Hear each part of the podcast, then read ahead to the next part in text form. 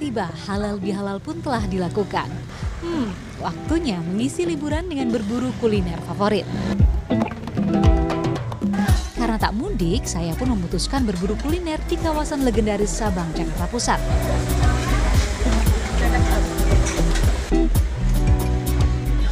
Sejumlah lokasi makan populer di sepenggal jalan ini memang tutup karena lebaran. Tapi soto ceker yang legendaris masih menawarkan rasanya di saat lebaran.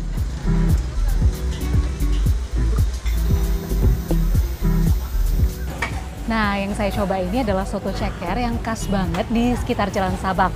Jadi bagi Anda yang hanya atau ada di Jakarta aja selama lebaran dan juga kemarin sudah makan banyak santan, jangan khawatir kalau datang ke sini. Karena kuahnya bening, sotonya, sehingga tidak banyak kolesterolnya. Dan juga yang nomor satu yang mau saya tunjukin kepada Anda adalah cekernya. Lihat nih, kayak empuk banget ya. Coba.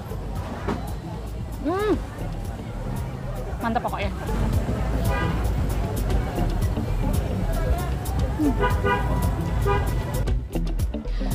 Soto yang dibanderol dengan harga 20 ribuan rupiah ini memang menjadi pilihan favorit karena selain terjangkau rasanya juga istimewa. biasa biasa jajan di sini.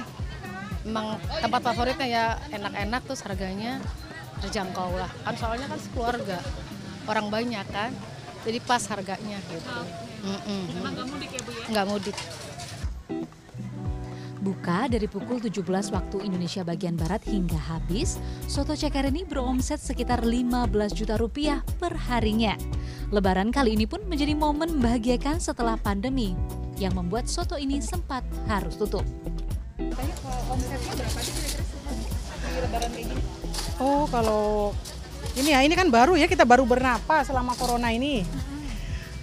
Kalau ini sih biasanya bisa sampai 15 atau apa itu kotornya ya, gitu. 15 juta atau 14 juta. Selain soto ceker, pilihan kuliner lain juga tersedia cukup beragam kala sore menjelang. Namun, karena masuk dalam jajaran kuliner favorit Jakarta, Anda harus bersiap pulang menghadapi antrian kendaraan. Maria Sarjana, Indra Setiawan, Jakarta.